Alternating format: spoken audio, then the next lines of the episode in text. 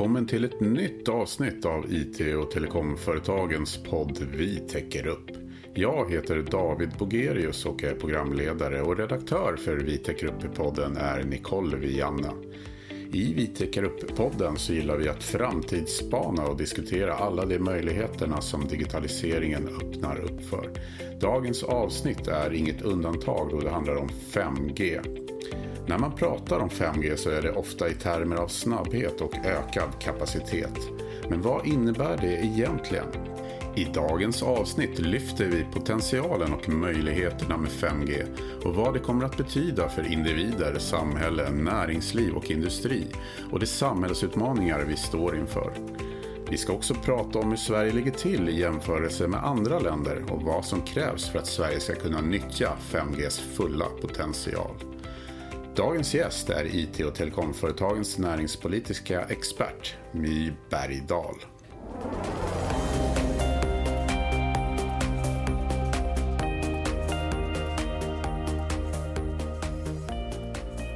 Dagens gäst, vår eminenta My Bergdahl, näringspolitisk expert på IT och telekomföretagen. Varmt välkommen till Vi täcker upp-podden. Tack David. Hur står det till i värmen? Jo, tack, det är jättebra faktiskt. Vi har haft ett väldigt spännande eh, webbinarium nu tycker jag, så jag känner mig full av energi. Jag tycker det var väldigt roligt. Ja, det ska vi ju återkomma till. Eh, kan du först eh, berätta lite om dig och dina ansvarsområden som näringspolitisk expert på IT och telekomföretagen? Mm.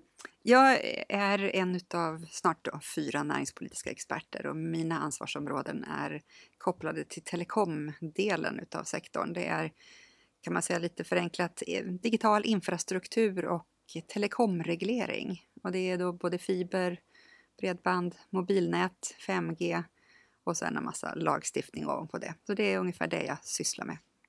Det var en ganska kort sammanfattning. Eller hur? Men om vi ska gå närmare in på digital infrastruktur och närmare bestämt 5G. Hur jobbar ni som organisation och tillsammans med medlemsföretagen i frågorna som rör 5G?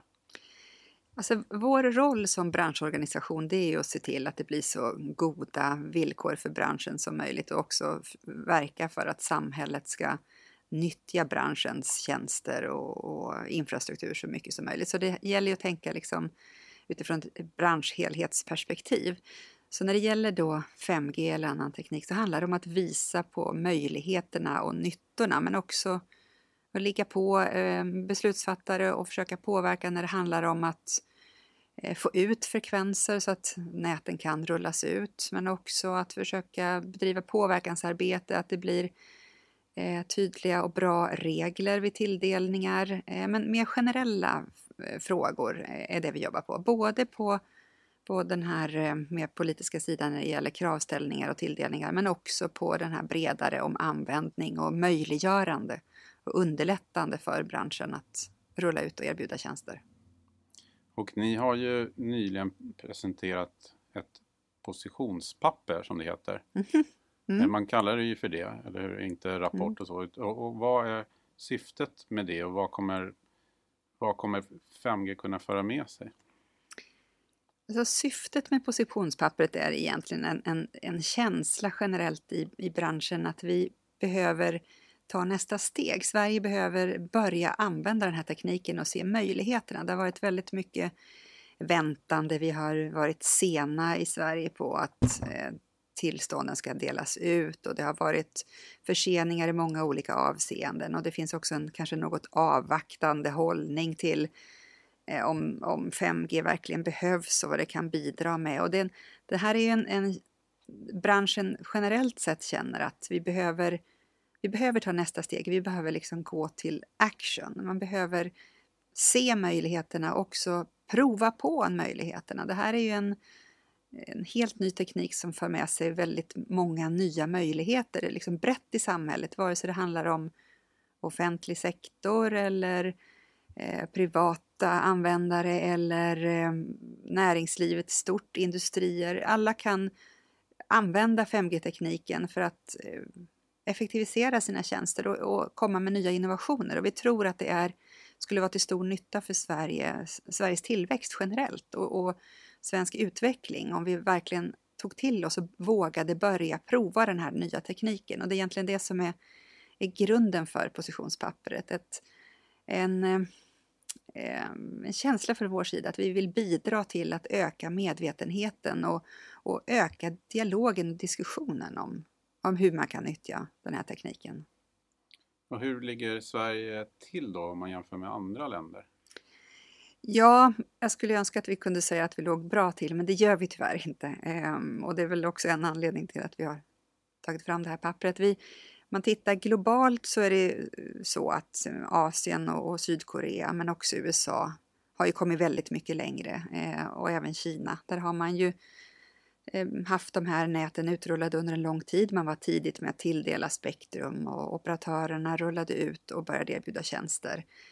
Eh, när det gäller Europa så har vi i, i, Sverige varit också väldigt sena med att tilldela tillstånden. Det har varit förseningar till följd av ny lagstiftning och lite oklarheter kring hur den ska, hur den ska se ut först och sen kom det en, en ny lag på plats och sen skulle det då, då tillämpas. Så att vi har, vi har liksom halkat efter utifrån de tidplaner som fanns och är väl åtminstone två, tre år sena på bollen med att tillstånden eh, finns på plats och näten kan börja rullas ut.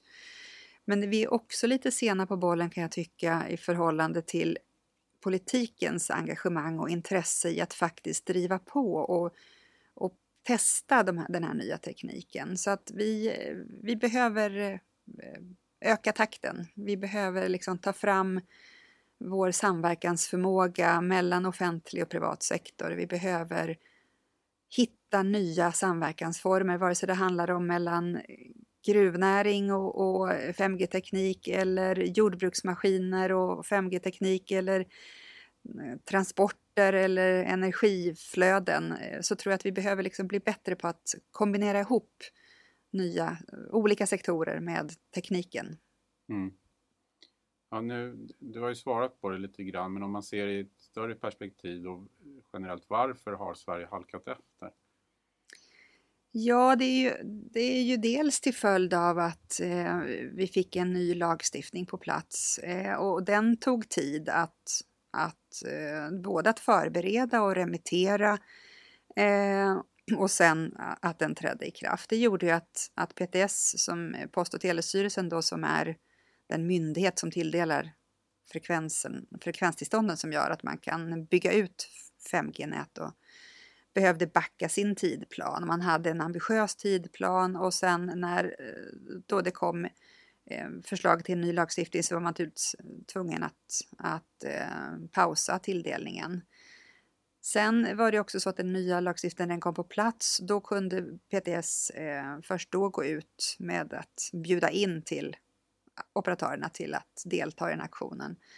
Och sen skulle den testas för första gången. Så att vi har av många olika skäl då kommit lite sent på bollen med tilldelningen. Trots att vi när det gäller alla andra tidigare mobiltekniker har varit egentligen först eh, ut eh, med att tilldela tillstånd och först ut med att rulla ut näten och också först ut då med att kunna ta fram nya, nya tjänster byggda på de här näten och det har ju gagnat oss väl så att det är ju det är olyckligt men vi är där vi är. Nu rullar näten ut och därför tycker vi att det är viktigt att börja använda och börja den här innovationsresan framåt.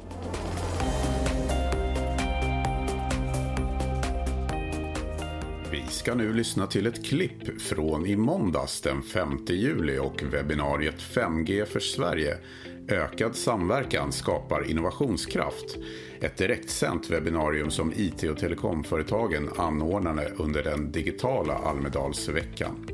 Där hör vi Maria Stockhaus, riksdagsledamot för Moderaterna och Therese Lindberg, riksdagsledamot för Socialdemokraterna i en politisk debatt som leds av moderatorn Mats Rosgård Sjödin från Telekomnyheterna. En fråga som har kommit in är vad är politikens roll när det gäller att få fart på användningen av 5G? Maria?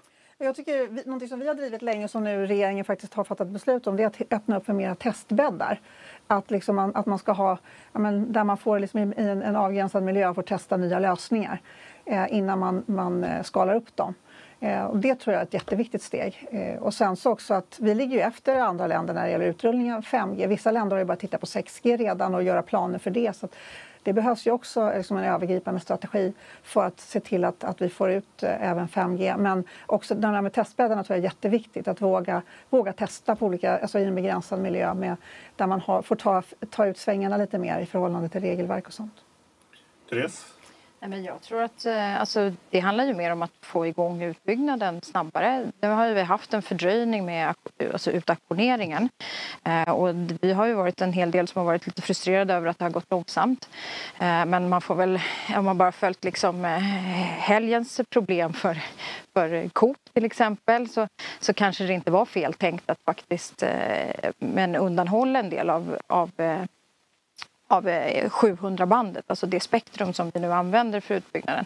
Men så småningom så handlar det om att, att ha, alltså ju fler som får tillgång till 5G. Men eh, varför ska jag köpa en 5G-telefon om jag inte kan använda den? Det, så att det måste ju också kunna använda prylarna. Men och, och, när det väl går att använda den så tror jag att det kommer komma per automatik. För att man kommer också se se möjligheterna. Alltså, jag menar, den här enklaste praktiska delen handlar ju om vad, vad man, alltså, hur man själv hanterar det. Och när man står där med sin telefon och det snurrar och laggar. Liksom, den kommer ju vara ett minne blott så, för att det kommer ha så bra uppkoppling. Så att ingen kommer ju vilja gå tillbaka och när det väl kommer bli användbart så kommer alla vilja ha. Det säger sig självt. Och sen när det väl finns där så ger det massa andra möjligheter på så många så många, liksom, både politiska fält men också i praktiskt användande. Har ni, har ni skaffat 5G-telefoner båda två? Nej, jag har inte 5G-telefon. Nej, och inte jag heller for the record. Så att det, det, finns en stor potential i att få fart på användningen ja, helt enkelt. Jag, men jag tänker att det måste ju funka också. ja. Uh, hur ska vi se till att Sverige inte hamnar på efterkälken i utvecklingen och utrullningen av kommande tekniker, 6G och 7G får man gissa då nästa steg.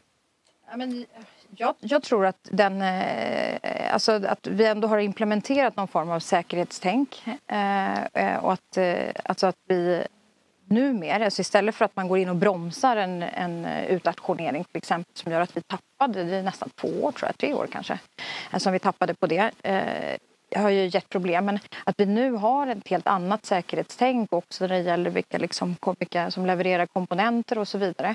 Så att man faktiskt kan göra rätt från början och inte behöva backa bandet liksom, och börja om från början för det ger problem. Och, och det är inget bra för Alltså det är inte bra för Sverige, det är inte bra för någon egentligen att vi inte, att vi inte står på tå. Ja.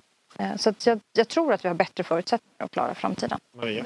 Man måste liksom ta sikte på längre fram. Det här med inte trädtopparna utan se längre fram. Jag, tror, jag tycker att vi saknar den mer liksom långsiktiga. Vad är det som kommer i pipeline med 6G nästa? Det vet vi det kommer. Okej, men vad ser, vad ser vi längre fram? Och liksom ta höjd för det och planera i god tid. För, för där vi är nu så har vi hamnat på efterkälken. Och sen, Sen är jag lite orolig för vad som händer på EU-nivå. För att där, där är det ju, jag tror att eh, Carl Bildt sa i något sammanhang att man kan inte reglera sig till utveckling. Och det känns lite grann som att, att där behöver Sverige vara en jättestark röst i EU för att inte man ska reglera sönder den här sektorn.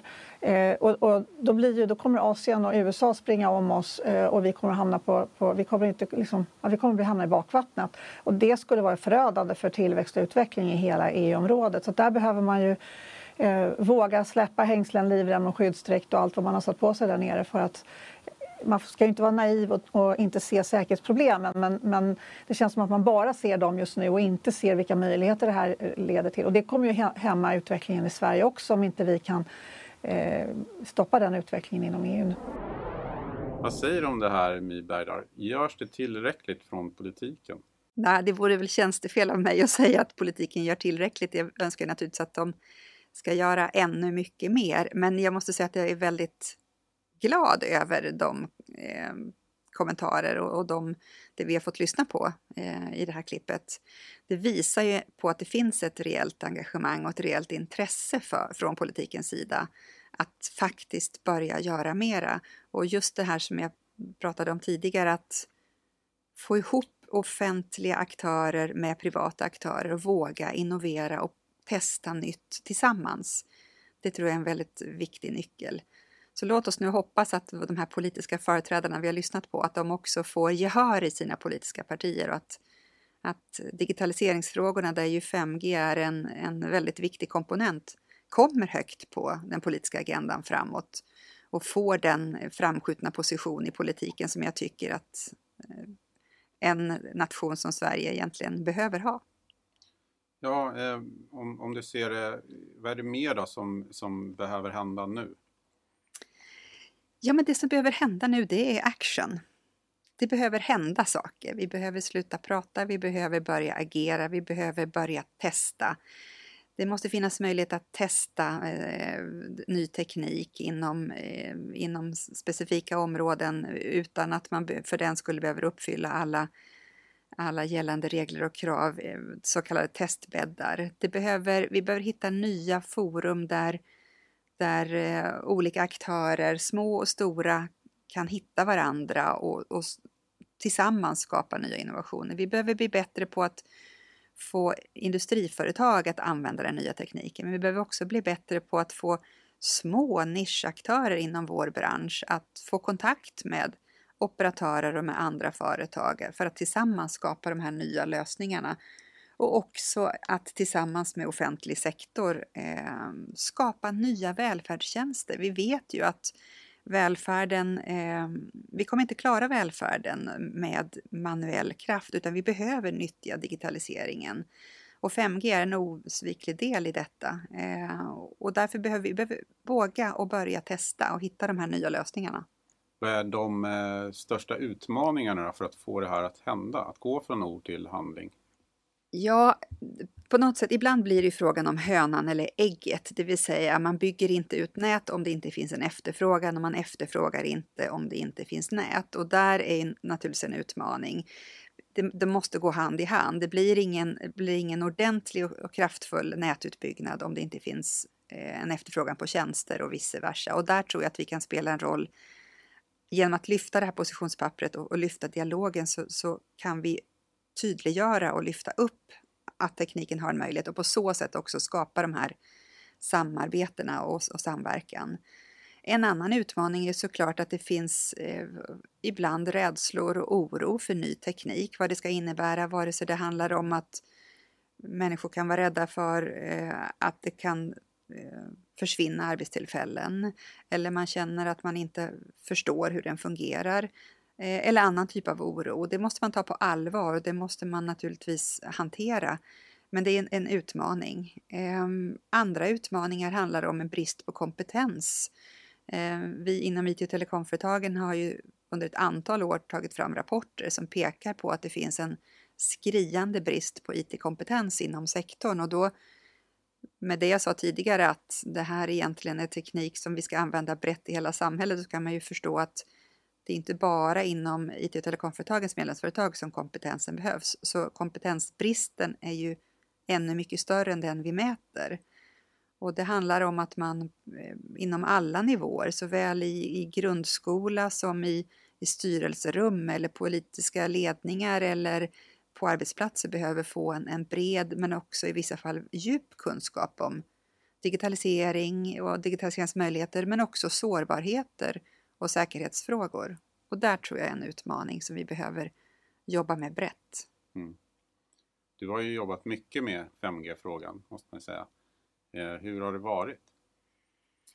Ja, men det är ju spännande. Det är ju roligt eh, att jobba med teknik. Jag är ju kanske den mest otekniska människan som, som i vart fall min familj känner. Så att de, eh, jag är ju mer teoretiker än praktiker, men, men det är ju otroligt spännande när man ser de här eh, människorna som faktiskt kan teknik och som kan illustrera och som har idéer och visioner om vad tekniken kan innebära på sikt.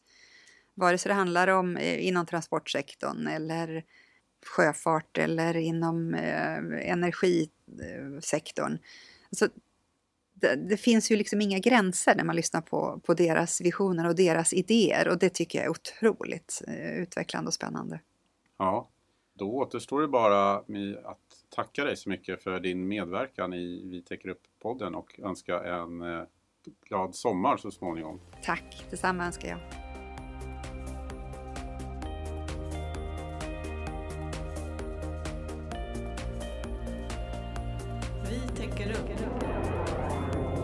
Du har lyssnat till Vi täcker upp-podden med IT och telekomföretagens näringspolitiska expert My Bergdahl som gäst. Jag heter David Bogerius och redaktör för Vi täcker upp podden är Nicole Vianna. Vi är tillbaka med nya avsnitt i höst. Tills dess önskar vi alla lyssnare en härlig sommar.